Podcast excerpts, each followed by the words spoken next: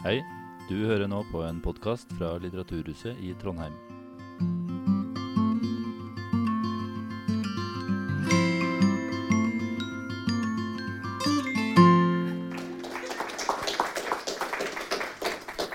God dag og velkommen eh, på vegne av eh, instituttet. Og jeg og Irmelin som eh, arrangerer de her frokostmøtene, så ønsker jeg velkommen til alle sammen. Og i dag har eh, turen gått til eh, yrkesfaglærerutdanninga. Og jeg fant opp en litt sånn eh, skal prøve å finne en litt fengende tittel. Eh, yrkesfaglærerutdanninga og næringslivet. Hånd i hanske eller lue i hånd.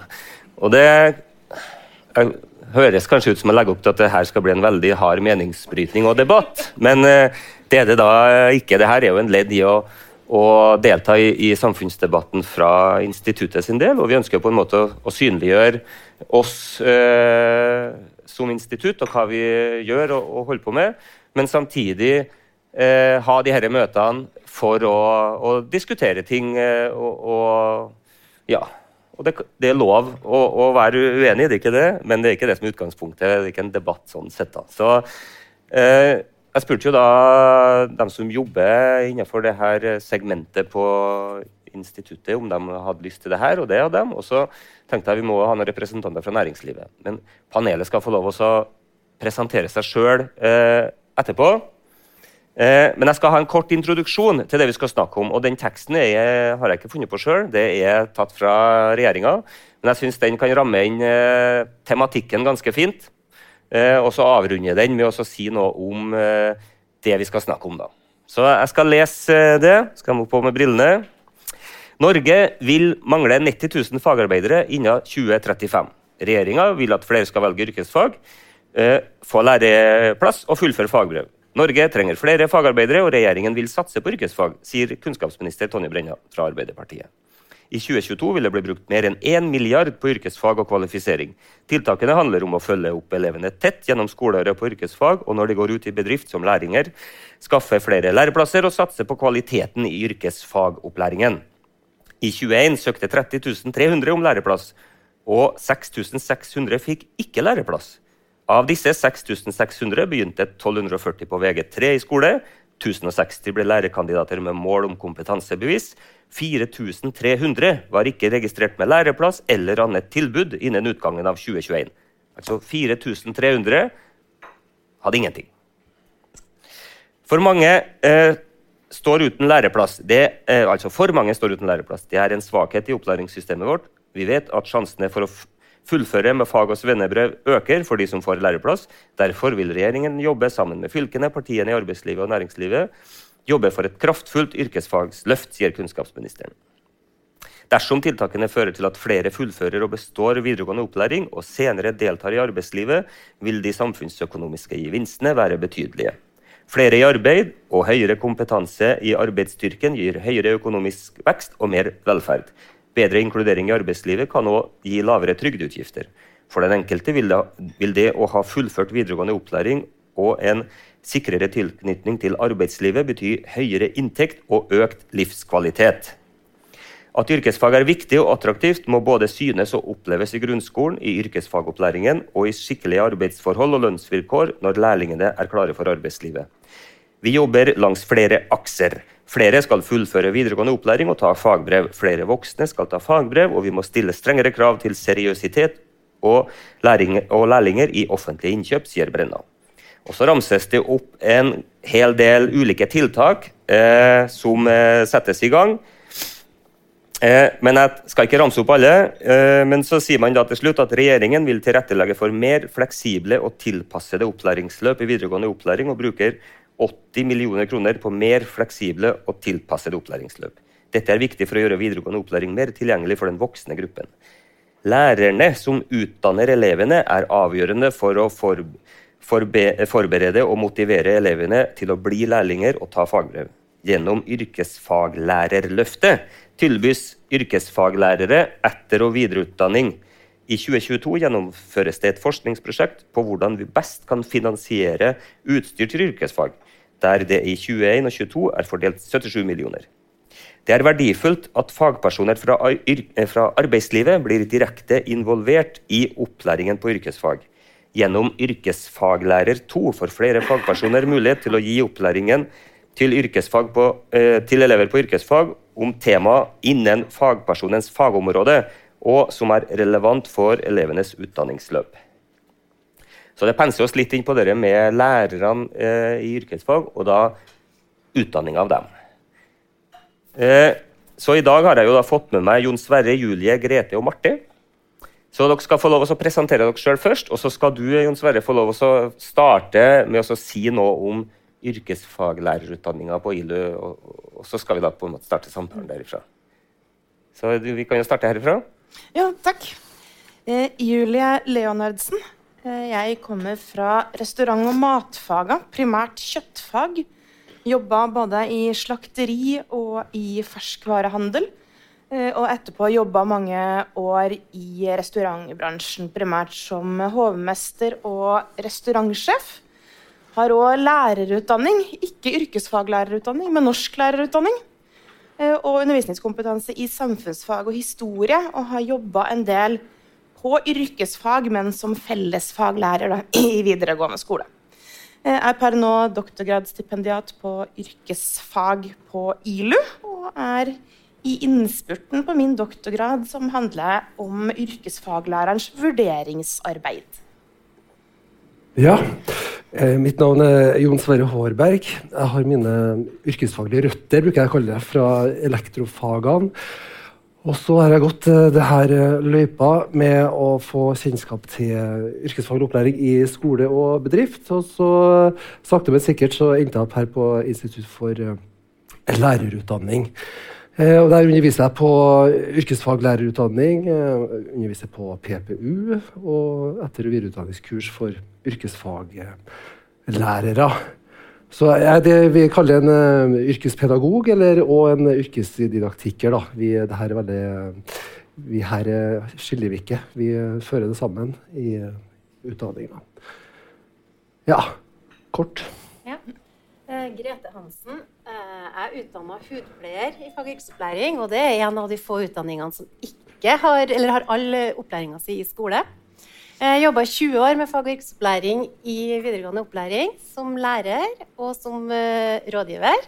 Og som noe som kalles formidlingskoordinator. Og det har jeg lyst til å si litt om, for uh, Rollen min da var nettopp at uh, jeg skulle jobbe sammen med fylkeskommune, bedrifter, opplæringskontor og andre aktører for at flere skal få læreplass. Eh, så da jobba vi på systemnivå med partnerskapsavtaler. Vi jobba med, med, å informere bedrifter som ikke var godkjent til lærebedrifter. Og jobba for å styrke elever i overgangen skolebedrifter. Eh, og bl.a. ble kjent med ungdommene gjennom å holde læreplasskurs for dem som ikke lyktes. Du hadde noe tallet fra Nove der eh, i, i, i introduksjonen, at det var mange. Så det egentlig motiverte meg til å begynne på NTNU, på lærerutdanning. Jobba med fleksibel pedagogisk utdanning der på deltid, og ble doktorgradsstipendiat, sånn som Julie på yrkesfag, der temaet er helhet og sammenheng i fag- og yrkesopplæring. Så, så, det å ha tett samarbeid og ser at yrkesfaglærerne trenger å tenke mer inn bare skoleløpet, det er liksom mitt hjerte nærmest. da. Så der har vi mye å bidra med som yrkesfaglærerutdanning, tenker jeg. Mm. Mm. Jeg heter Marte Løvik. Jeg, fra 1.9. i år så gikk jeg over fra å være heltidspolitiker og sitte i formannskapet i Trondheim kommune. Og nå jobber jeg da som seniorrådgiver i NHO Trøndelag. Um, så betyr at jeg fortsatt sitter i bystyret. Og sitter i oppvekstkomiteen, så er jeg jo en av dem som har ansvar for de første ti årene Uh, og kan da i NHO, En av de viktige jobbene i NHO er å jobbe med kompetanse og kompetansebehovet som bedriftene våre har. Det er stort. Og yrkesfag er jo en av de viktige, viktige rollene til NHO. Jobbe inn mot uh, yrkesfagene og få flere til å ta yrkesfag. Mm. Ja. Det var en kort uh, introduksjon. Jeg skal nevne før vi setter i gang her, at på Litteraturhuset på de, på de frokostmøtene så bruker man å ta opp, og så blir det også publisert i etterkant i form av en podkast. Så dere er klar over det. Og så skal vi holde på i sånn ca. 55 minutter først, at vi snakker, og så blir det en pause på et kvarter, og så har vi satt av de siste 20 minuttene til spørsmål fra eh, salen. Så da ønsker vi på en måte å, å diskutere og snakke om ting som eh, dere eh, har på hjertet. da. Så hvis dere har litt sånn spørsmål, så, så får dere holde litt på dem til etter pausen. Da skal jeg gi ordet videre, Jon Sverre. Ja, eh, jeg skal prøve å gi et bilde av eh, hva vi holder på med, hvem vi er. Vi holder til på Institutt for eh, lærerutdanning. Vi holder til på en fagseksjon som heter yrkesfag, skoleutvikling og utdanningsledelse. og vi jobber med med, med, med utdanninga her på ulike vis. Eh, vi har jo nevnt eh, fleksibel praktisk pedagogisk utdanning, også etter videreutdanningskurs. Men det som kanskje har nærest kobling til næringslivet, er yrkesfaglærerutdanninga. For der har vi eh, en del av praksisen til eh, studentene der er ikke bare skolepraksis, som er det primære i lærerutdanning, men òg eh, yrkespraksis. Så studentene våre er ute i bedrifter og virksomheter til sammen eh, 60 dager i løpet av eh, tre år. da. Men så har vi studiet samlingsbasert, så vi har uh, studenter fra hele landet. Uh, fra sør til nord og vest og øst. Uh, så de er kobla på ulike lokale næringsliv. Så det er ikke bare i, i, i Trondheim eller Trøndelagsregionen det dreier seg om. da. Så vi har i hvert fall et sånt avtaleverk eh, som eh, bedrifter og studenter bruker sammen. Eh, og oppgavene studentene gjør ut i bedrift, eh, kobler vi på i lærerutdanninga for å skape eh, relevans til det vi holder på med. Så det, alt skal ha en overføringsverdi til hva yrkesfaglærerne eh, vektlegger i yrkesopplæring i, i, videregående, slik at de må bli forberedt til å ta del i arbeidslivet og kunne mestre det i fremtida. Så vårt, vår interesse ikke sant, er jo det ene er jo naturligvis at yrkesfaglærere skal være i stand til å kunne drive en dannelsesprosess òg, men òg forberede elevene til å mestre arbeidsliv. Um, så det, det, gjøres jo på ulike måter. Men eh, eh, Og så prøver vi å invitere folk fra næringslivet inn eh, der det er behov. Eh, vi òg prøver å være aktive på søk på ulike prosjekter som eh, bygger tettere samarbeid med næringsliv. Det siste var nå en søknad til HK DIR om kvalitetsutvikling av praksis i lærerutdanningene. Og da fikk vi på på veldig positiv respons. Og kort, eh, kort forvarsel òg med oss. 20 eh, personer fra eh, fem ulike yrkesfaglige områder. Både fra helse- og oppvekstfag, restaurant- og matfag, elektrofagene teknologi- og industrifag og bygg- og anleggsteknikk. Da. Så vi, vi, har allerede våre nettverk, og vi prøver jo naturligvis å pleie og vedlikeholde og styrke dem enda mer. Men det sier noe om betydningen av det å ha noen utenfra som har kjennskap til yrkesfag, som òg kan spille på lag med, med, med næringsliv og, og, dem i skolene, naturligvis. Da. Eh, så der fikk vi med representanter fra både opplæringskontor og ulike deler av, av næringslivet, og naturligvis lærere. Og for å signalisere det at lærerutdanning òg er et viktig tannhjul i det her yrkesfaglige maskineriet. ikke sant? Vi er med å påvirke yrkesfaglærerutdanninga, som igjen er med å påvirke elever, som igjen bidrar til at næringslivet får, eh, får etter hvert eh, dyktige lærlinger som blir fagarbeidere. Så vi må prøve å smøre det her tannhjulene og, og holde dialog. Eh, for å skape relevans i både profesjonsutdanning og yrkesfaglig opplæring. Da. Så det det fordrer på mange måter eh, samarbeid på tvers og kryss, og, og det involverer veldig mange. Eh, og nå er vi midt i eh, ny studieplanarbeid. Og Det innebærer det at eh, ILU får fullt eierskap til utdanninga. Og det fordrer også, eller fremtvinger også, kanskje enda mer behov for tettere samarbeid med, med arbeidslivet for å skape enda mer relevans. Da. For, for Tidligere så har den yrkesfaglærerutdanninga vært et samarbeid med opptil 14 ulike institutter på NTNU. Og da ble det ganske fragmentert. Mye ulike fagkulturer, tradisjoner. Og alle yrkesfagene har eh, en eller annen base i et eller annet disiplinærfag. Eh, men nå får vi fullt eierskap til det og må stå ansvarlig for det på egne bein. Så det betyr at vi i, over tid nå må vokse oss store og, og kanskje ha, knytte enda mer bånd til næringsliv. Eh, og bli mer synlig både på ILU òg. Som lærerutdanning er vi eh, per dags dato underrepresentert. Eh, men så må vi også komme på at det er over halvparten av elever i dag velger yrkesfaglig utdanningsprogram som forbereder til yrkeskompetanse. Og det, det må gis litt oppmerksomhet, og, og, og, det må vi sørge oss som lærerutdanning for å imøtekomme på en god måte. Um, så det, det, er bare en sånn uh, Man kan sikkert gå enda mer nyansert i det her, da, men uh, det kan kanskje være noen sånn åpningsord for å la denne ja. ballen rulle videre. Vi kan hende at vi kommer litt inn på det, de ulike måtene, de ulike kompetanseveiene som kan føre til fagbrev sånn sett òg. Men som du sier, det er, jo, det er jo mange tenner i det yrkesfagsmaskineriet her. Der altså utdanninga og kvalifiseringa av lærere i det her er en viktig del. da. Men som sier, eh, dere er jo igjen på en måte en prosess med å skal kanskje da forme dere på nytt, i og med at dere skal ha ansvar for litt mer her, på godt og, på godt og vondt. Men kanskje, kanskje spesielt dere da, med kontakt opp mot uh, næringsliv kan bli lettere når det skal behandles av én part, istedenfor at det er veldig fragmentert ut i de ulike fagmiljøene. Det er ikke du, Marte, du som da på en måte representerer næringslivet, og du, mm. du sitter i oppvekstkomiteen. men de tallene som jeg nevnte i starten, som, altså det, jo, mm. det, er jo da en, en stor satsing på yrkesfag. For man ser at det med å ha tilgang til nok fagarbeidere i, i framtida mm. frampekes som en utfordring. Så har, har vi, merket dere noe til den satsinga så langt, og, og på hvilken måte? Uh, om vi merker til satsinga, kan jo si noe om behovet. da. Ja. Uh, det mangler jo over 60 lærlinger i uh, restaurant- og matfag. så der har vi et det er et helt åpenbart mangel på folk. Eh, vi har ikke dem. Så det er jo et tall. Eh, det står 660 000 mennesker i landet utenfor arbeidslivet. Det er et annet tall. Her er det, det er mulig å på en måte tette det gapet. da. Eh, bare i Trøndelag så er det ca.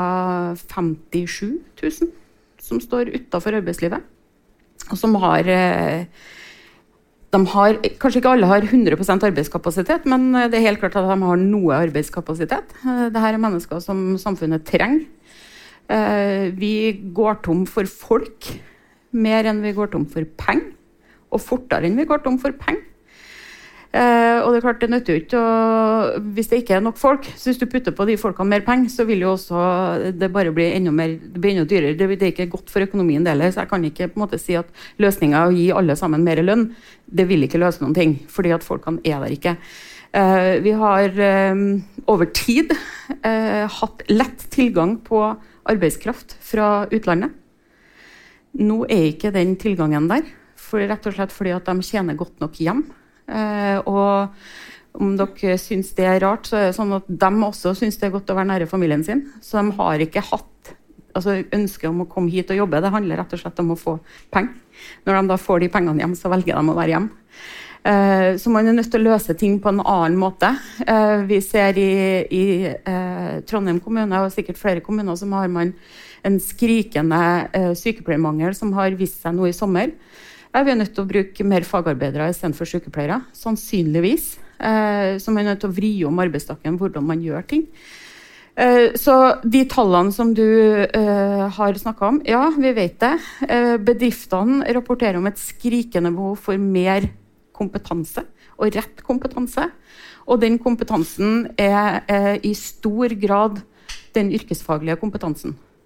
Ja, det er bedrifter som også skriker etter eh, IT-folk og ingeniører og alle disse her, men også de ønsker egentlig den ingeniøren som er fagarbeider i bunn. Som har en, da, en bredere forståelse på hva det faktisk er. Så uh, tallene er kjent, og tallene er mange flere enn dem du eh, snakka om. Og det her er jo én av tre-fire satsingsområder til NHO. Det er å rett og slett jobbe for at bedriftene skal få den riktige kompetansen og rett antall folk. Og det er da vi er nødt til å bruke de menneskene som også da står langt utafor arbeidslivet, mm. for å få det her til. Og forhåpentligvis så vil jo noe av løsningen for dem være å få en yrkesfaglig utdanning på et eller annet fleksibelt løp. Eh, gjerne gjennom bedrift. Eh, det er ikke sikkert at vi klarer å putte den 40-50 år gamle personen som står litt langt unna arbeidslivet, inn på en skolebenk sammen med 18-åringer. Men det er en, sannsynligvis en yrkesfaglig utdanning som vedkommende trenger for å klare å komme seg tilbake til arbeidslivet. Ja. Og av de tallene jeg nevnte, så var det jo totalt så skulle det brukes 1 milliard, og så var det satt av bare 80 til det som da kaltes eh, altså generelt sett mer fleksibel og tilpassa opplæringen, som var mynta mot den voksne befolkningen. Så så, når jeg hører det dere sier, så er det jo kanskje at den satsinga skulle ha vært i enda større grad på rekruttering av voksne eh, folk utenfor arbeidslivet enn, enn å skifte folk fra, fra å gå eh, studiets beste yrkesfag av dem som går ut til tiende, kanskje. Men jeg kan si ett tall til. Ja, få høre. I Oslo kommune så er det kun 5% av elevene som velger yrkesfag. Ja. Det må det gjøres noe med. Eh, For vi kan ikke ha det sånn at Oslo driver og utdanner en veldig akademisk eh, gruppe mennesker som sannsynligvis Altså det er mer enn 5% som bør gå yrkesfag i, i Oslo, men det er tallet for Oslo. Og det er helt klart der du får det største volumet med elever. Så Oslo kommune har en kjempejobb å gjøre for å få flere til å ta yrkesfag. Ja. Har dere noen kommentarer så langt på panelet? Jeg vet ikke, dere som, dere som jobber med det, og kanskje noen, jobber, noen av dere jobber veldig sånn innenfor smale segment, eller med noe spesielt i forhold til doktorgradsløp og sånn. Hva tenker dere kan være noen løsninger her, da? Nei, så tenker jeg sånn som det Marte forteller nå, så er det enda viktigere at alle aktørene snakker sammen. For vi vet jo at det er ulike årsaker til at vi til ungdommene ikke får læreplasser. Det handler jo om selvfølgelig eh, skoleprestasjoner og motivasjon òg, og at, det, at ungdommene er usikre. Men så handler det om andre ting selvfølgelig utenfor livet, men så handler det om dimensjonering. Så det er jo enkelte, eh, både i privat og offentlig sektor, at det er vanskelig å få læreplasser. Sånn at vi må på en måte, det er en, er balanse der, der med også eh, spå, spå i, i kula hvor mye folk trenger, hva vi trenger, og hva er det ungdommene ønsker og har lyst til. For vi vet jo at det jo er veldig driv, drivkraft for at de skal stå, stå i et tøft opplæringsløp med både teori og praksis, og det å være 17 år og komme ut i et eh, arbeids- eller næringsliv med voksne kollegaer. Så dere, dere hele tida, og det at vi eh, snakker sammen eh, For i et samfunnsperspektiv så er, så er det jo umotiverende til slutt å utdanne ungdommer eh, selv om lysten er der hvis det ikke er noen plass til dem. Også det at eh, arbeids- og næringslivet vårt er opptatt av å ta imot både voksne og ungdommer, og i arbeidstrening. Eh, og så, eh, apropos studenter til yrkesfaglærerutdanninga. Det blir jo en sånn litt sånn sekundær til å på en måte samarbeide, og vi skal ut i bedrift. Og så er det ikke rekruttering, men det er kanskje rekruttering når de kommer tilbake som yrkesfaglærere. Eh, og klarer å jobbe med at du ikke er ferdig når du avslutter eksamen på VG2, men rett og slett jobbe for at de skal følge dem helt over til at de skal få læreplasser. For jeg opplevde jo ennå det at det var ungdommer som var overraska over at de må søke læreplass, og at de ikke har rett på læreplass. Eh, og at i enkelte bransjer må de sende veldig mye søknader. Mm. Så, det, så det er veldig viktig at vi snakker, snakker sammen Mm. og, har, og har samme målet. da. Ja. Og så har vi jo et annet aspekt eh, ved det her med dem som ikke går ut og blir lærlinger av fagarbeidere. Eh, jeg har jo jobba en del år på påbygg og tatt imot eh, de som har vært yrkesfagelever der. Eh, og mange av de har jo sett for seg en karrierevei, men de velger f.eks. å gå helse og oppvekst fordi de skal bli sykepleiere. Noen har gått restaurant- og matfag fordi de vil bli matteknologer. Noen har gått elektro fordi de skal bli ingeniører. Så vi har også en del av yrkesfagelevene som, som forsvinner den veien på påbygg og så på høyere utdanning uten å ha vært lærlinger først. For det, det som du var innom, og Marti, altså det er jo en, de er jo attraktive, de som har den fagbakgrunn i, som ingeniører, f.eks. Mm. Du hadde en kommentar? eh? Ja, eh, det var det med, med dimensjonering, og det er jo en ting som er ekstremt viktig. Og det er jo at man har et tett samarbeid med det lokalt næringslivet når man jobber med hva er det som hvilke, hvor, stor, hvor store fag og hvilke fag man skal ha på de ulike eh, videregående skolene. For det er jo helt klart at hvis næringslivet er med, det lokale næringslivet er med og får eh, innflytelse på hva man faktisk utdanner, så er det jo større sjanse for at man da også får en, en læreplass, for da forplikter du jo også næringslivet å være med i det, den dugnaden det er da, med, med den utdanninga. Så, så dimensjonering og tett samarbeid med lokalt næringsliv er ekstremt viktig.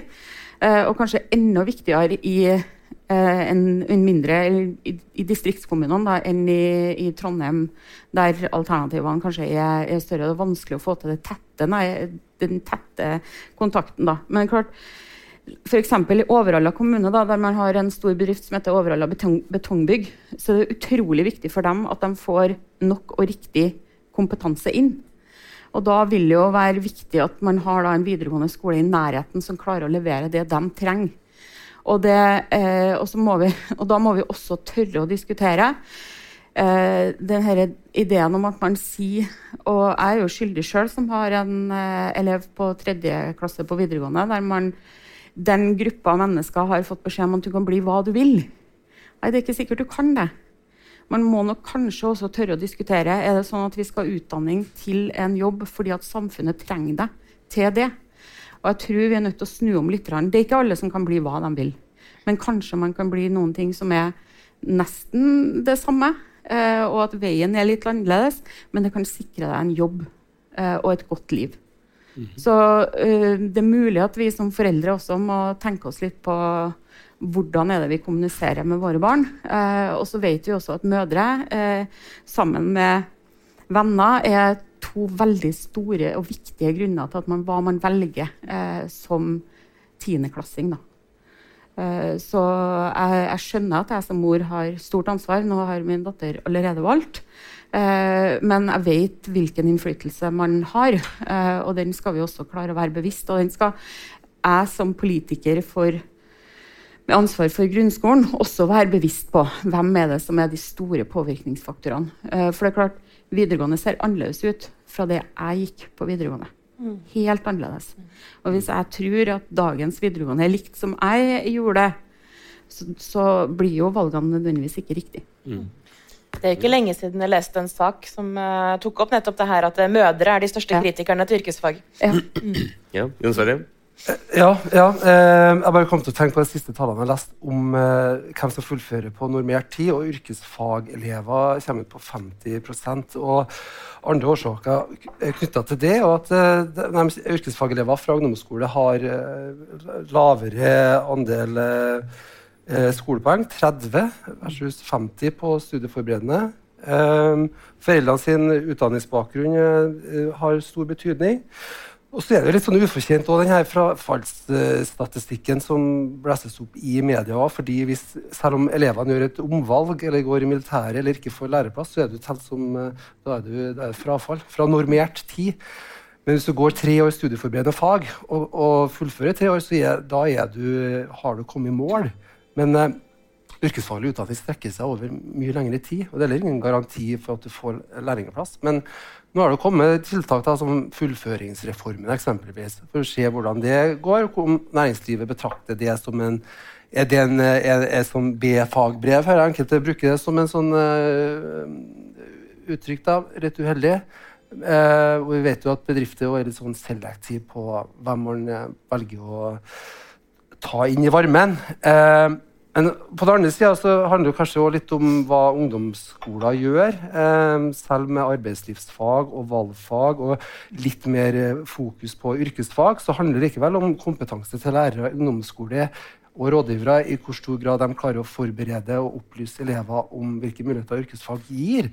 Eh, og så har vi heldigvis et ganske robust utdanningssystem som sørger for at selv om du velger en yrkesfaglig retning og ønsker å utdanne deg videre, eksempelvis det her med fagbrev og bli ingeniør, så blir du svært attraktiv senere i, i arbeidslivet. Så på ingen måte Det handler vel kanskje litt om uh, hva man gjør i alle kantene her, da. Men i senere tid har det vært mye fokus på hva vi gjør i, i videregående.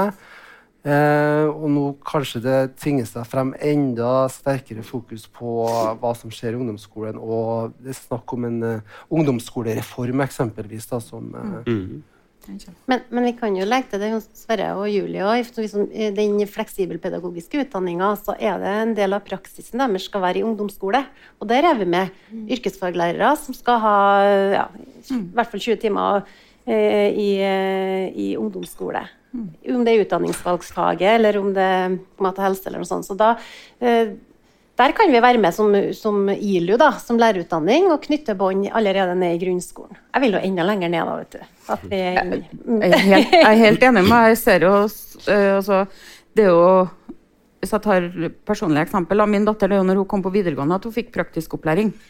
Nå går hun musikk, da, og det er klart det er mye praktisk der, men, men det er også de teoretiske fagene ble mer praktisk når hun kom på videregående. Da har hun på en måte starta superteoretisk, og så klarer du liksom gjennom eh, ti år å forholde deg til mindre og mindre praksis, altså mindre og mindre teori og mer og mer praksis. Så først på videregående. Eh, det burde jo vært motsatt. Og det er klart vi, vi setter fem seksåringer på en stol, og så skal de lære ikke nødvendigvis det som er den beste måten å gjøre det på. Så, så jeg er helt enig.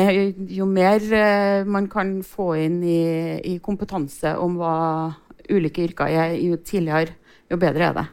Ja, man, man ser jo en dreining i f.eks. den vifta av, av eh, valgfag på ungdomsskolen.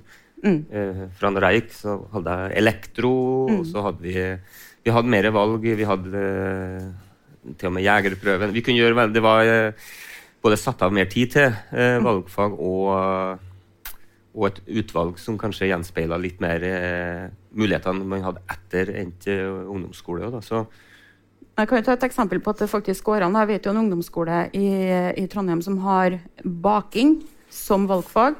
Og de elevene skal da opprette elevbedrifter. Eh, og får jo en veldig praktisk tilnærming til et valgfag og ser at dette også kan være et yrke de tjene. De skal tjene penger på det her valgfaget i løpet av eh, altså hvert eneste år. Da. Eh, så det er, jo en, det er jo en kjempemulighet ved å bruke Da bruker de sannsynligvis kompetansen til en lærer som er der. Og så knytter de da Ungt entreprenørskap, som er et verktøy som skolene kan bruke. Og så får man da en, en mer praktisk tilnærming til hele faget. Men det er jo ikke mange dagene siden det var en sak i avisa om at eh, norske skolebarn har nå 90% mer klasseromstid enn de hadde for bare 30 eller 20 eller 30 år siden. Ja, de har et helt år, de har to år ekstra. De har det ekstra året som er putta på, så har man i fag fått et ekstra år til. Da. Så um, ja, det er jo Elise som er doktorgradsstipendiat på instituttet som har kikka på det der. Og det er jo til matematikk spesielt at det alle timene har gått. Så nå, nå har jo barn i, første, I løpet av første til sjuende har man like mye matematikk som vi hadde i hele skoleløpet. Så det har skjedd en teorisering eh, i til mer Helt fag som kanskje å påvirke dere med valg etter endt skole. Ja. Ja, bare, bare legg til, det, det var en undersøkelse der som viste at det her motivasjonen for å lære i ungdomsskole den faller gradvis og systematisk fra åttende trinn og ned til tiende. Mm. Det er, og så er det en liten pikk på videregående, og så går den igjen. da. Men eh, det er jo kanskje noe med at de møter en ny praktisk hverdag når eh, man kommer i videregående. også. Ja. Eh, men at den her motivasjonen for å lære synge såpass drastisk i ungdomsskolen, er jo et eh, dårlig tegn. tenker jeg. Men jeg tenker, eh, på tross av det, så er det jo over 50 54 som velger yrkesfag. Selv om det ikke har hatt mye praktisk. De er, jo, de er jo opptatt av noe nytt og noe annet, ungdommene som søker òg. Ja, selv om ikke det så praktisk i grunnskolen. Kan Kanskje fått nok på ungdomsskolen. Så teorimetta at Ja. ja. velger jeg må, jeg må ha noe mer praktisk tilnærming til, til læring enn det jeg har opplevd. Så kanskje, kanskje er det en god politikk å gjøre eh, ungdomsskolen så teoretisk at den på, på tross av og på tvers og på trass velger yrkesfag. Vi ser jo sånne fylker som Møre og Romsdal og Nordland og sånn, der er jo nesten 70% Ja. Sånn at det, det er Og nettopp kanskje pga. tilgang til lokalt næringsliv. Og, Og så kan det jo tenkes at de ikke det, Du ser jo at det, det er jo flest som velger studiespesialisering i Trondheim. I de største byene så er det jo flere som velger det. Eh, så er det jo naturlig at det i fylker der man ikke har disse store byene, eh, så vil det jo kanskje være mer tilknytning til næringsliv, og at man da velger yrkesfaglig utdanning på en annen type måte. Vi, altså, Trøndelag utenfor Trondheim har en annen, et annet studievalg enn det eh, Trøndelag med Trondheim. Mm. Og det er jo det man ser. Vi er ikke like ekstreme som Oslo, men allikevel så er det jo eh, veldig mange i Trondheim som velger studiespesialiserende. Men det har økt yrkesfagvalgene i Trondheim også, og det er positivt. Og, så, og så ser vi jo når at uh, ungdommene velger yrkesfag, så det som vi som yrkesfaglærerutdanning kan gjøre, det er jo å, å, å, fortsette å jobbe for den, på den samarbeidet opp mot næringsliv, at yrkesfaglæreren beholder både identiteten som fagperson og pedagog når han er ferdig til oss. fordi at ungdommene, mot, Forskning viser jo at ungdommene motiveres til praksisnær undervisning i skoledelen. Og når de liksom har, først har gått over som lærlinger, så er det jo da det er over 90% som består fagprøve. og i 21 da.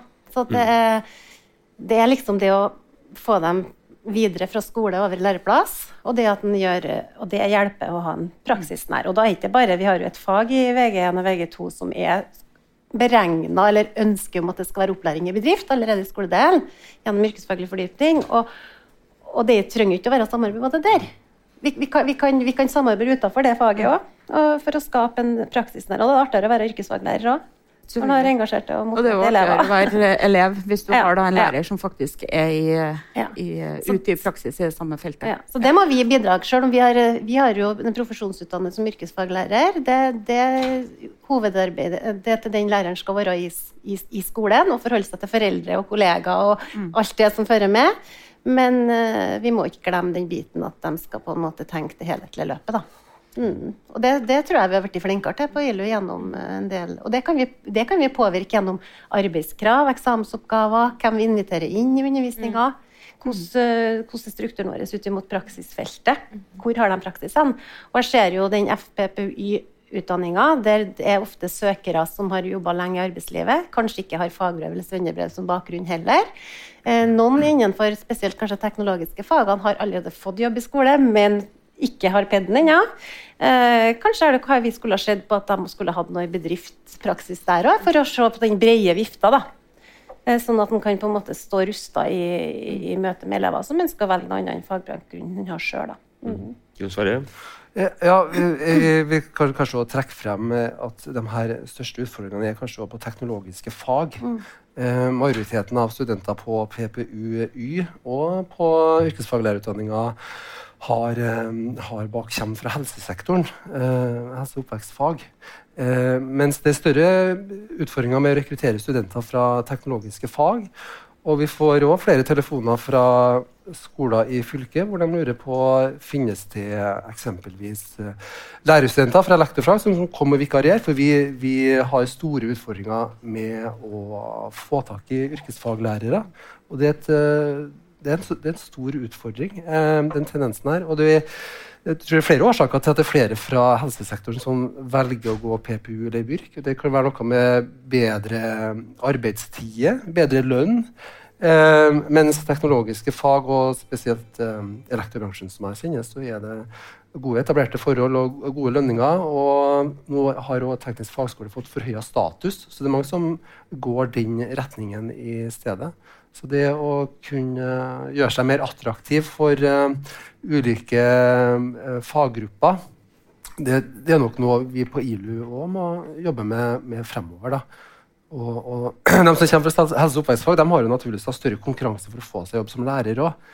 Men uh, som sagt, teknologiske fag der er det langt mer krevende. Ikke bare i, i, i, her, her i Trondheim eller i Trøndelag, men også i andre fylker. da. Det kan være en reell utfordring. Og det er, jo, det er jo de menneskelige ressursene som kanskje er en stor, veldig stor utfordring i en del sektorer, der man ser at over de siste 10-20 årene har vi hatt f.eks. i byggebransjen veldig stort innslag av folk som kommer fra andre land og jobber, som har hatt en økonomisk vekst hjemme, Polen f.eks., der lønnsveksten har vært såpass at det er liksom ikke verdt det å, å, å være så lenge borte for å, for å jobbe.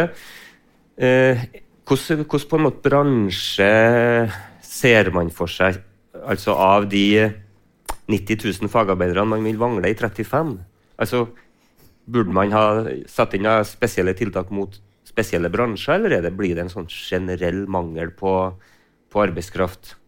Hva, hva er deres eh, syn på det? Det kommer jo til å bli en generell mangel på eh, arbeidskraft. Det handler jo om demografiutfordringene. Altså Eldrebølgen kommer helt åpenbart til å bety at det er en mangel på arbeidskraft overalt. Og så ser vi at det er noen bransjer som har større utfordringer nå. Eh, som jeg nevnte i stad, restaurant- og matfag, der vi i dag mangler Altså det står tomme plasser. Det er lett å få, å få læreplass hvis man har, har grunnutdanninga, for der mangler det. Men vi ser jo også innenfor de tekniske fagene. Eh, bygg er jo en som ble nevnt. Hele den bygg- og anleggsbransjen er, er, er utfordrende. Eh, reiseliv er utfordrende. Der mangler vi mye folk i dag. Eh, så noen ting er jo, er jo sånn eh, ting som haster i dag, og noe er ting vi må jobbe med over tid. Eh, og jeg tror vi trenger flere innenfor en del fag på, på, på disse fagene enn vi kanskje har behov for eh, en del av disse En del andre universitetsfag, da. Så, så vi, vi trenger å krympe offentlig forvaltning og øke eh, privat næringsliv i, med, med flere eh, fagarbeidere. Da. Mm. Um, så, så det ja, akutt noen ting i dag. Og så er det akutt veldig overalt eh, for, eh, for litt lengre perspektiv. Eldrebølgen kommer jo til å også kreve flere som jobber innenfor helse. Men vi kan jo putte alle dem vi mangler i dag innenfor helse, og så har vi fortsatt ingen til å bygge byggene de skal bo i. da. Så ja, det, det, det er liksom hvor er det vi skal plassere folk hen? For vi er ikke nok folk. Vi har jo ikke tatt ansvar og fått nok barn. Eller tatt imot nok folk. Eller tatt imot nok folk. Men, men vi, vi har aldri tatt imot så mange uh, flyktninger som i år. Det er over 30 000. Sånn at vi har jo faktisk da tatt imot uh, mye folk også. Men det er klart vi har basert oss som du også sier, som jeg sa, at eh, vi har basert oss på utenlandsk arbeidskraft fordi at vi har hatt et høyt lønnsnivå. Mm. Så nå må vi på en måte finne ut hvordan vi kan løse det sjøl. eller finne ut land som har behov for at vi hjelper dem, for at de har ikke Mhm. nok jobb til folk. da. Ylje? Ja, Du nevner jo det her med at det står eh, ledige læreplasser innenfor mange av restaurant- og Mm. matfagene. Og jeg tror kanskje særlig restaurant- og matfagene de står litt i særklasse. For det er mange, mange bedrifter innenfor restaurant- og matfag tar imot faglærte. De eh, lærer opp, eh, Mm. opp arbeiderne sine sjøl. Det det er innenfor mange av retningene, kanskje særlig servitør, kjøkkenhjelp, den her også ferskvare og denne biten, eh, så stilles det ikke enorme krav til at man skal ha fagbrev. Det er lett å bli ansatt som ufaglært, gjerne på deltid, gjerne på kveld. Eh, og den biten der, så kanskje restaurant- og matfag, og også til dels eh, helse- og oppvekstfag, har jo nettopp denne med stor andel ufaglærte som likevel får jobb. Som gjør kanskje at det ikke er like attraktivt å søke den læreplassen, eller Jeg vet ikke. Nei, hvis du, hvis du like godt kan jobbe der på full lønn, så hvorfor, Mm. være, hvorfor gå lærlingeløpet? Ja. Vi har litt tid til vi skal, før vi skal ta en pause. Vi har jo snakka litt om det, og vi er jo innom det ganske ofte. Det, med, det er jo et sånt samfunnsperspektiv her. altså her er både utdanninga av yrkesfaglærere og, og lærlinger og elever som jobber innenfor sektoren, har mye å si for, for, for samfunnet vårt. Og, og vi nevner bl.a. det med eldrebølgen. altså Vi har ganske sånn store demokratiske eh, prosesser som, som skal foregå opp imot det demografiske skiftet fra, eh, som vi ser også i mange land. altså Eh, Det var jo noen som spådde at vi vil ikke få noen lærermangel i skolen fordi altså, antallet elever synker såpass drastisk at, at det vil bli en overflod av lærere. Og det ser man i, faktisk i flere land lenger sør i Europa. At de har utdanna lærere i en tro på at nå blir det mangel på lærere, og så viser det seg at det skjer det motsatte. For det er en ekstrem eh, nedgang i eh, fødselstallene eh, overalt. Så men det er klart, det vil jo først gi innslag i barnehage og småskole osv. oppover. Vi vil jo fortsatt ha et veldig stort behov både for å utdanne fagarbeidere og lærere til å lære opp de her. Så altså Vi, skal, vi må på en måte ta et, an, et sånt samfunnsansvar her. Eh, Vi, vi er en del av det. Uh, Men den praktiske sida av det, altså hva, hva, hva, hva, gjør, hva gjør man på en måte nå for å bøte på det? Hva føler dere at fra ILU sin side uh, Hvilket på en måte mandat har dere grepet mest fatt i nå, da, for å på en måte uh, passe på at skuta er på rett kjøl der? Nei, jeg tenker sånn, det er mulig at, nå, at vi har blitt bedre på å markedsføre oss med, med yrkeslærerutdanning. Kanskje flere etter- og videreutdanningstilbud til yrkesfaglærere. Populært master i yrkesdidaktikk. Sånn at jeg tror vi har gjort oss mer synlig, og nå sier jeg 'tror', enn vi har vært før. Sånn at det å være her i dag og være en stemme for yrkesfaglærerutdanning på ILU Um, vi må tørre, i hvert fall. Vi må tørre å gjøre det attraktivt å være yrkesfaglærere i alle fagretninger. Mm. Vi ser også det at eh, den masteren i fag- og yrkesdidaktikk som vi tilbyr, det er syv fag, eh, der yrkesfag er en av de. Der er jo yrkesfag eh, blant de største gruppene nå, med flest eh, studenter. Så vi ser jo faktisk at masterutdanninga er, eh, er attraktiv. så tror jeg nok det er kanskje enkelte som savner litt mer anerkjennelse av realkompetanse, som eh, mange fagarbeidere kommer inn i skolevesenet med. Mm.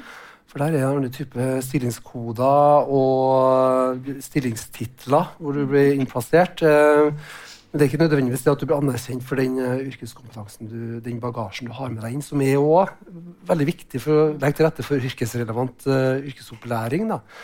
Men uh, så, er, det nok til at det sitter veldig mange med akademisk bakgrunn i mange ulike fora, komiteer, arbeidsutvalg òg, som ikke har yrkesfaglig bakgrunn, ikke kjenner til yrkesfag, har det som er veldig fremmedgjort for det.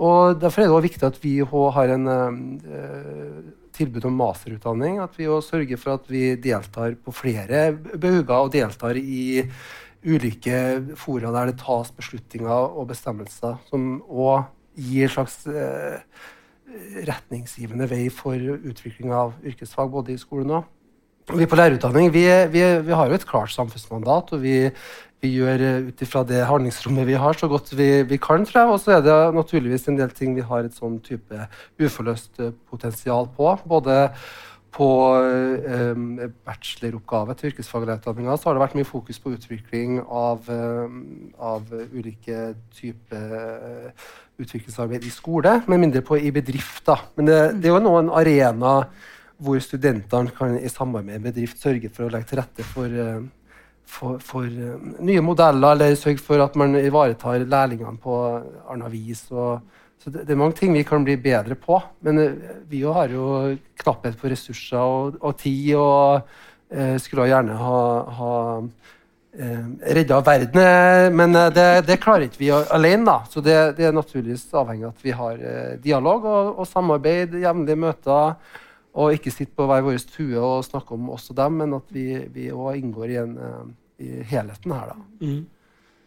En kommentar, Julie? Eh, ja, jeg tenker bare litt på det her at eh, sånn som vi sjøl har gjort det hele dag òg, at vi omtaler yrkesfag som ett. En sånn svær smørje.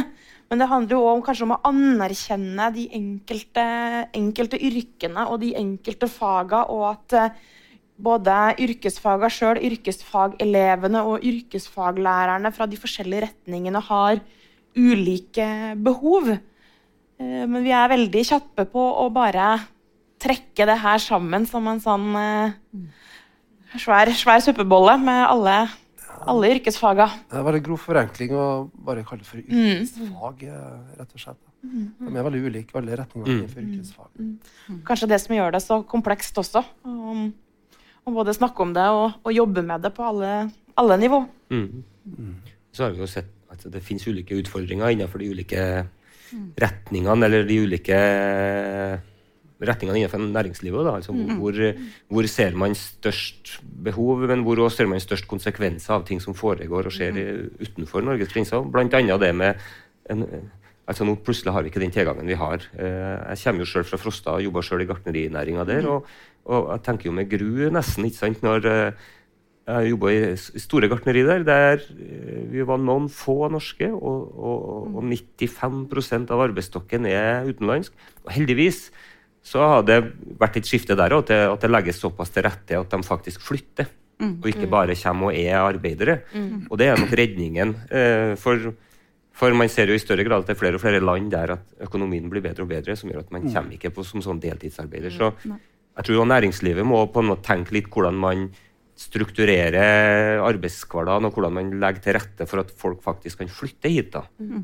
eh, Av dem som kommer fra utlandet for å jobbe i første omgang eh, sesongarbeidere. da. Mm. For Hvis ikke så er det jo eh, hele næringa som kollapser, og man plutselig får en flukt av, eh, av arbeidskrafta. Ja, jeg kom, jeg kom, til å tenke på det her behovet for fagarbeidere i fremtida. Det er egentlig veldig vanskelig å se inn i glasskula og anta et behov, da. Kan kanskje, sånn, Sannsynligvis så får man et behov der og der på ulike sektorer.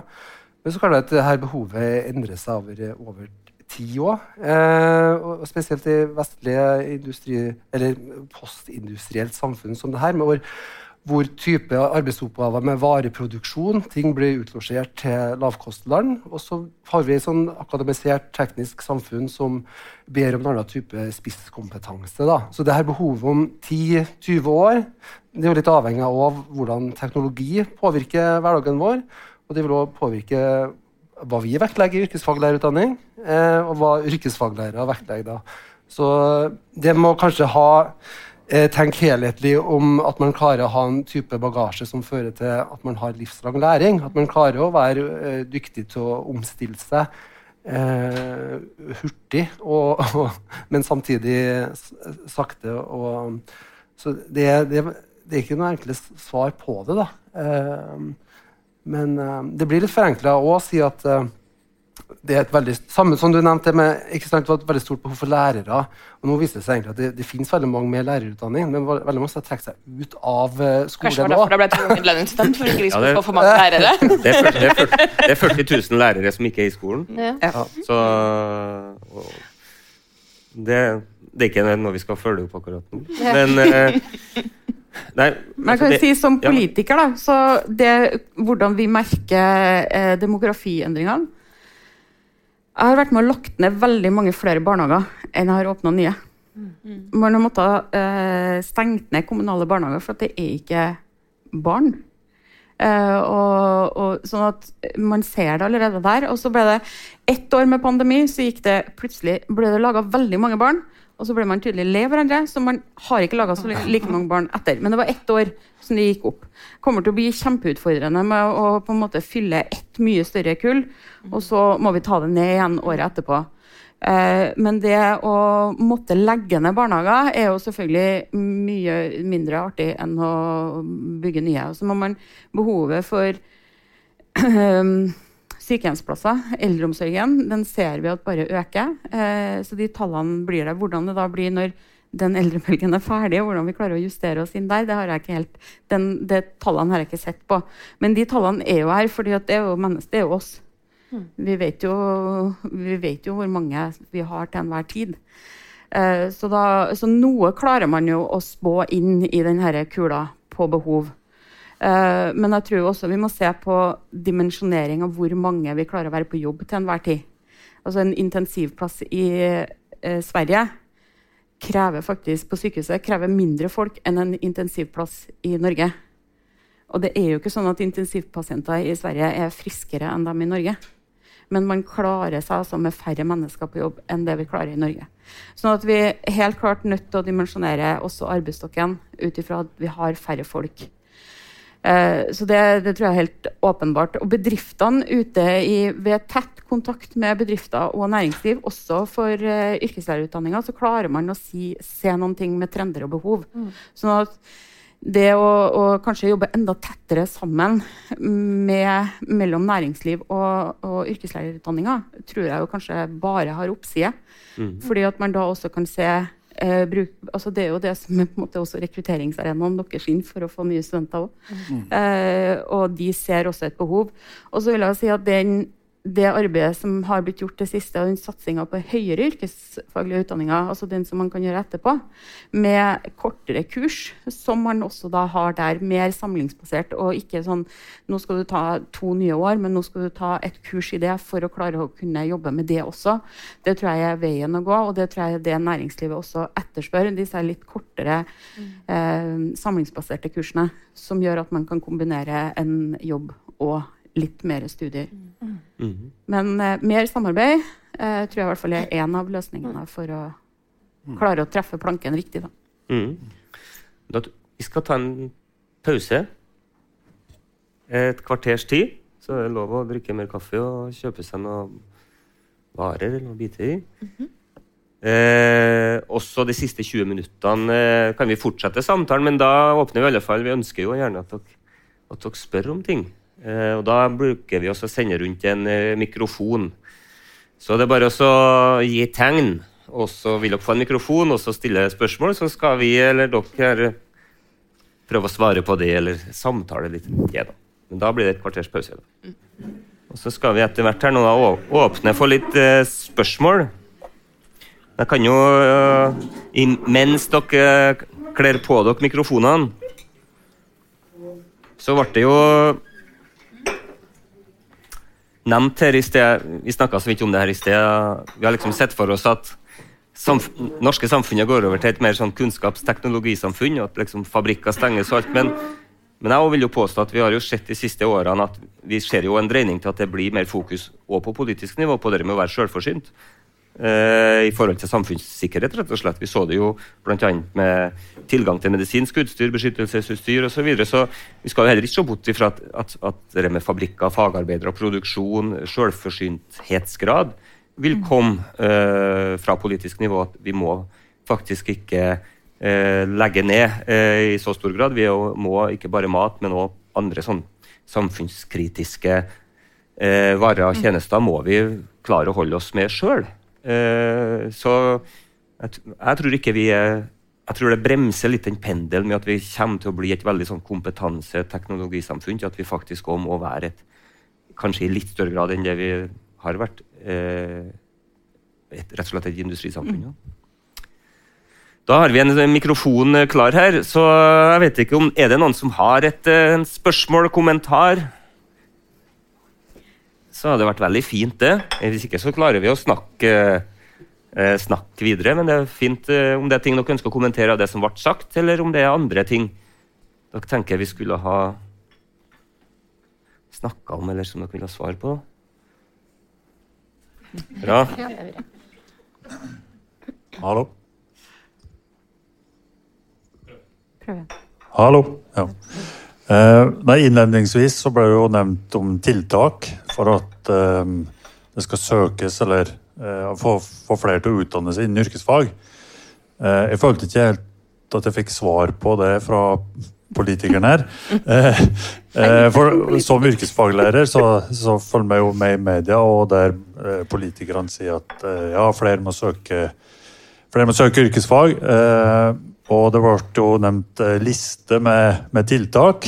Som yrkesfaglærer så ser en ikke veldig mye av de tiltakene, men, men er det noen som vet noe om det er noe som ruller? Er noe i gang? litt usikker på meg. Jeg er jo ikke invitert her som politiker. Neida. Jeg er eh, så litt usikker på om jeg skal forsvare, sitte her og forsvare alt regjeringa gjør.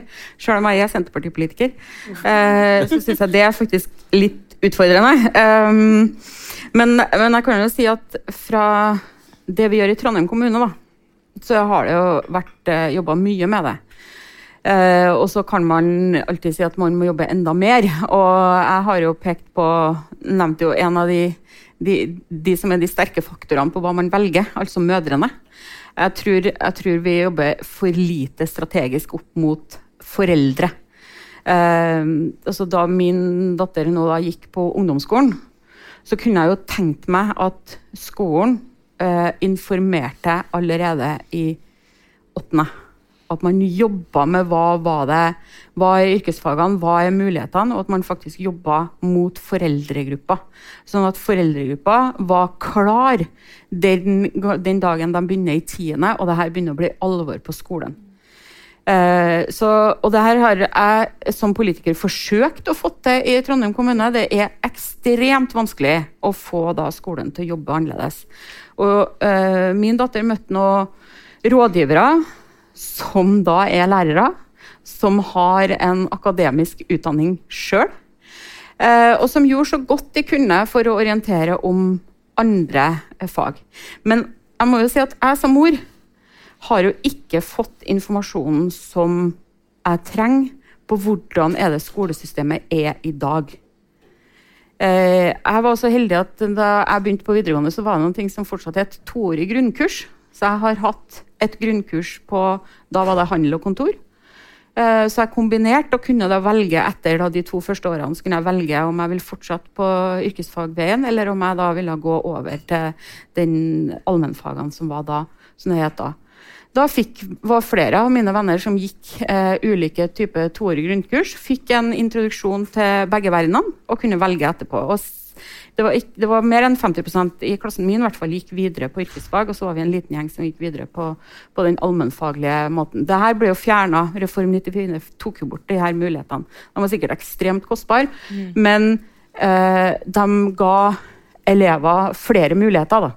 Man slapp ikke å ta valget i tiende, man kunne ta det etter to år på, på uh, videregående. Men det er en tung materie å få snudd måten det tenkes på på eh, veiledningssida til, til foreldregruppa. Da. Det er i hvert fall min erfaring. Og så er det et eh, kontinuerlig mas om det fra politisk nivå, at det skal bli bedre. Men det er mye som skal puttes inn i skolen, så jeg skjønner jo at tida er knapp på. Vi skal jo løse alle samfunnsproblemer i skolen. Dessverre. Ja. Jeg vet ikke om det fortsatt ikke er svar, men regjeringa må nesten få komme og få svare seg sjøl, altså. Jeg synes jeg er Eller, eller ku- kunne jo stilt spørsmålet videre til fylkeskommunen, annet, for kanskje den største potten av disse midlene er gitt til fylkeskommunen og fylkespolitikerne, så det er nok på det nivået òg at, eh, at eh, man forhåpentligvis vil se flest tiltak. Eh, Det er valg neste år.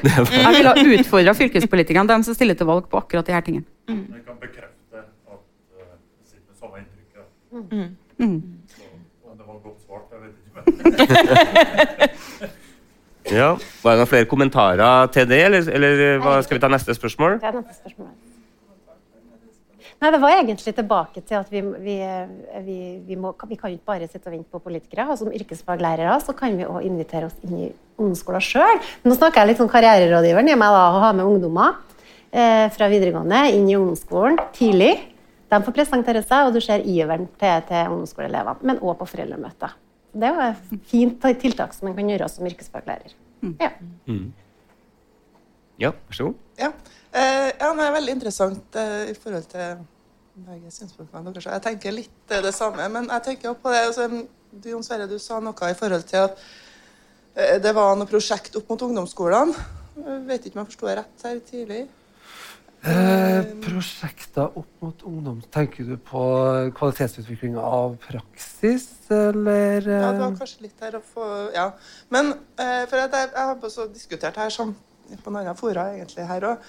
Hvem, hvem er det som egentlig har ansvaret for eh, ungdomsskolene og den herre eh, At de skal se mulighetene. Eh, Rådgiverne. Det har vært masse rådgiverskoleringer. Det, de får opplæring på en måte, men de vet aldri helt hva det kanskje går ut på. Og jeg tror kommunen gjør en kjempejobb opp mot rådgiverne.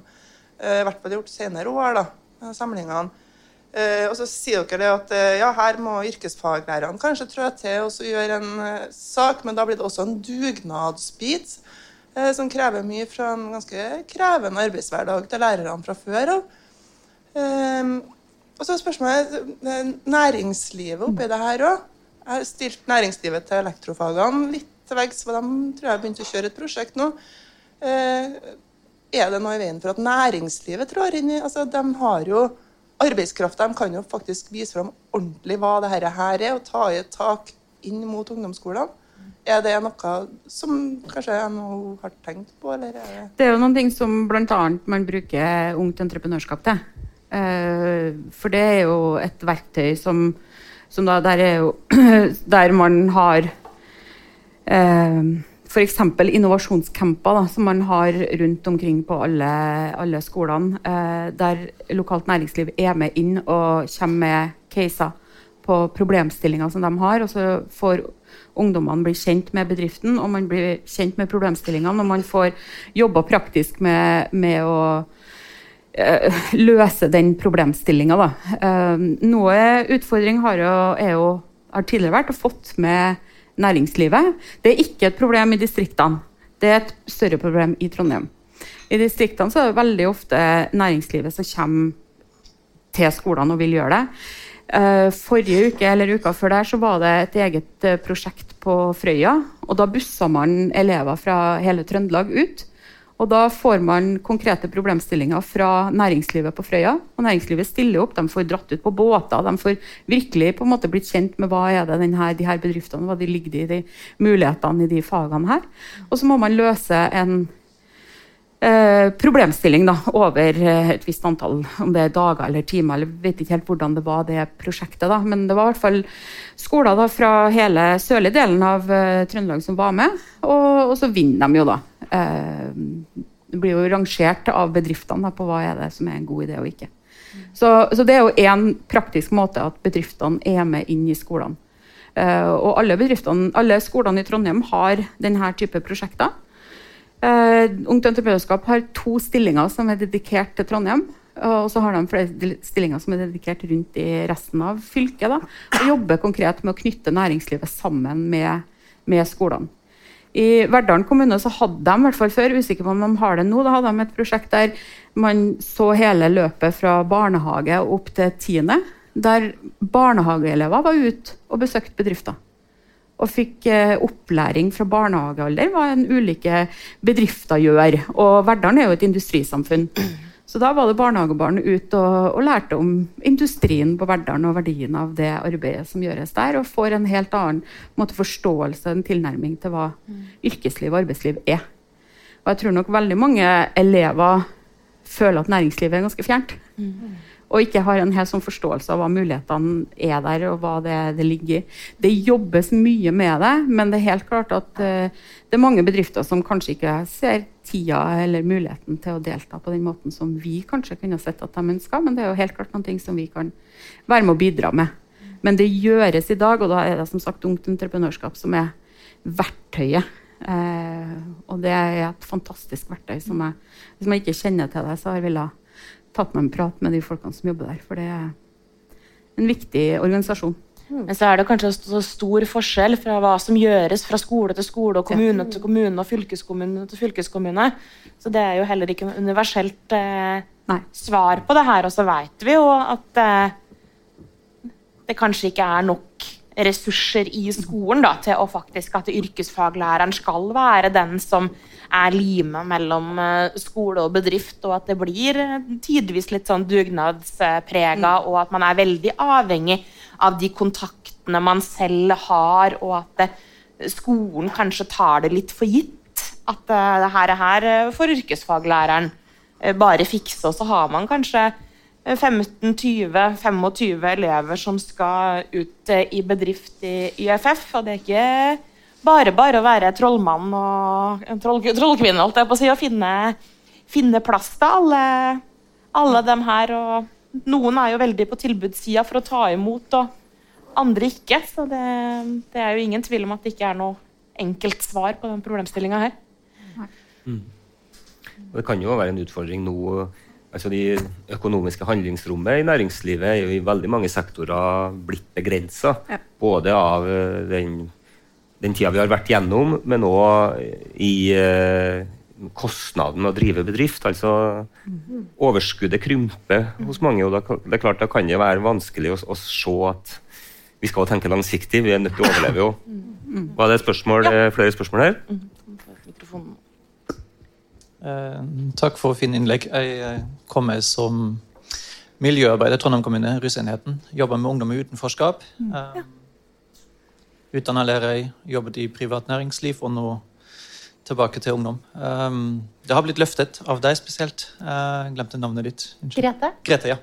Uh, takk for at du, du, løfter på en måte den, den store andelen som, som, går uten skole. Utdanning og egentlig ikke finne veien tilbake. Det trenger ikke være mine uh, brukere. Men jeg er generelt opptatt av hva slags samfunn vi har lyst til å være. Mm. Ah, bordet var håpløst. Uh, og og hvordan vi kan legge til rette for. Når du spør etter virkemidler og, og, veier tilbake til, eller, eller, tiltak for å finne en vei tilbake for ungdom, for å finne sin plass i samfunnet, i arbeidslivet, så går ikke det strake veien mellom skole og læringsliv. det gjør ikke det. Så jeg forundrer meg bare over at Nav, Trøndelagsmodellen, ikke har blitt nevnt med et ord enda hei i diskusjonen. For det er et uh, du kan si det er et, stort arrangement. Det blåses opp som Trøndelagsmodellen med store scener og musikk. og pam, pam. Det, mange som ikke svarer på det når de sitter der og har levd eh, langt utenfor, eh, ikke har noe tilknytning til eh, verken familie eller skole eller noe som helst. Men likevel så har det funket for noen. Mm. Så hvordan jobber ILO med, med Nav som en samarbeidspart eh, i samarbeid med yrkesfaglærere? For det er, det er, mange som havner i arbeidsavklaringspenger eller i eh, uføre eller i sosialstønad, som mm. må finne en vei inn. Og det er ikke direkte kontakt fra skole til bedrift. Vi snakka faktisk om det i pausen her, eh, flere av oss. Eh, det her med at Nav kan være en veldig god samarbeidspartner. Eh, og vi konkluderte vel med at her har vi en, en vei å, å, gå. Vi vet jo at noen av våre studenter, særlig på den treårige bachelorutdanninga, har fått tips og råd fra Nav om at kanskje yrkesfaglærer kan være eh, en vei å gå, men det er vanskelig med, med finansiering. Og, og, den biten der har jo vært litt, eh, litt utfordrende. Men det, det, var veldig spennende at det ble tatt opp her eh, i, i mingletiden i stad, så det er jo noe vi utvilsomt skal eh, ta, ta med oss eh, på kammerset. Og jeg tenker Det er viktig at du tar opp det, men det er jo litt bakgrunn når du har jobba med en god del ungdommer som har gått litt alternativ lærekandidater bl.a. Eh, så har jeg hatt tett samarbeid i den rollen i forhold til Nav i skole, da, som har vært gode bidragsytere inn der vi trenger et litt alternativ løp. da. Gutta kan være helse, eller det kan være andre ting i livet. Så, så at øh, kanskje ILU òg kan knytte litt, vel litt mer sammen og, og jobbe litt der. Så, så, det er et godt innlegg, også. Mm. For det gjøres en del ute i skolene. og masse det, det, det må trengs mye samarbeid for en del ungdommer i ja, perioder av livet. Ja, hvis man ser altså Det som forskes på på Arbeidsforskningsinstituttet i Oslo, det sier jo Frøyland og Spekervik, de viser til at det er inkluderingskompetansen både i bedrift og på skolen og, mm. og hvor som helst som er avgjørende for at det lykkes. Altså De aller fleste får jo fagbrev siden når de først begynner. Mm. Men det å bli tatt imot mm. og kjenne at her er jeg verdt noen ting, jeg kan tilhøre, mm. det er det som er avgjørende for at man får dem i det hele tatt tilbake igjen. Mm. Og det er mange. Mm. Mm. Jeg tror det er et viktig perspektiv. og Det var litt av det jeg nevnte i sted. Det var på en måte bare 80 millioner av de, den milliarden som var satt av til det man kunne kalle mer sånn fleksible og tilpassa mm. opplæringsløp mm. for dem som kanskje da ikke vil fungere i, i, i vanlige løp. Og nå skrev regjeringa at det var tiltenkt den voksne gruppen, men det som du nevnte i sted, det man må tenke eh, altså etter evne her òg. Noen har kanskje ikke full kapasitet til å jobbe full, men altså, bedrifter og næringsliv må også se at uh, man, det er verdi om noen kommer og jobber i halv stilling, og, og mm. noen uh, og kanskje har et lengre lærlingløp, eller altså, Kanskje se på mer fleksible ordninger for å kunne ende opp med for jeg tror jeg, Når man først kommer inn og føler tilhørighet og føler mestring på at det her er noe jeg kan få til, så vil det gå bra med de aller fleste, men man er nødt til å få lov å komme inn. og føle at man har et bidrag inn i, inn i maskineriet her. Da. Men det er et viktig ja, Trøndelagsmodellen er én av måtene det kan gjøres på. Eh, og det er ikke sikkert at det er løsninga for alle de 57 000 som står utafor arbeidslivet i, i Trøndelag. Eh, men vi jo ser jo at det er en av de måtene det gjøres på. Og jeg vil jo si at Trøndelagsmodellen har vært veldig vellykka så langt. Det har ikke, eh, det har ikke foregått over veldig mange år ennå, men, men vi i NHO har trua på den måten å jobbe på. Eh, og, og, støtter jo Trøndelagsmodellen. Eh, og, men jeg tror det er, det er en av mange måter. Eh, og så må vi se på så alle løsninger tas imot med takk. For det her er noen ting som man må løse i, i et fellesskap. Men den gruppa som du jobber med, har jo helt klart bare positivt å få dem ut i arbeidslivet igjen. Nei. Nei. Ja. Men det er en kjempefin løsning for dem det passer for. Ja. Da er klokka ti. Så vi skal begynne å runde av det her frokostmøtet. Og det gjør vi rett og slett med å si tusen takk til dere som har kommet her og hørt på. Tusen takk til dere som stilte opp eh, her. Så fra Institutt for lærerutdanning eh, og meg og Irmelin som, som organiserer de her frokostmøtene, så sier jeg eh, tusen takk og velkommen tilbake ved en senere anledning.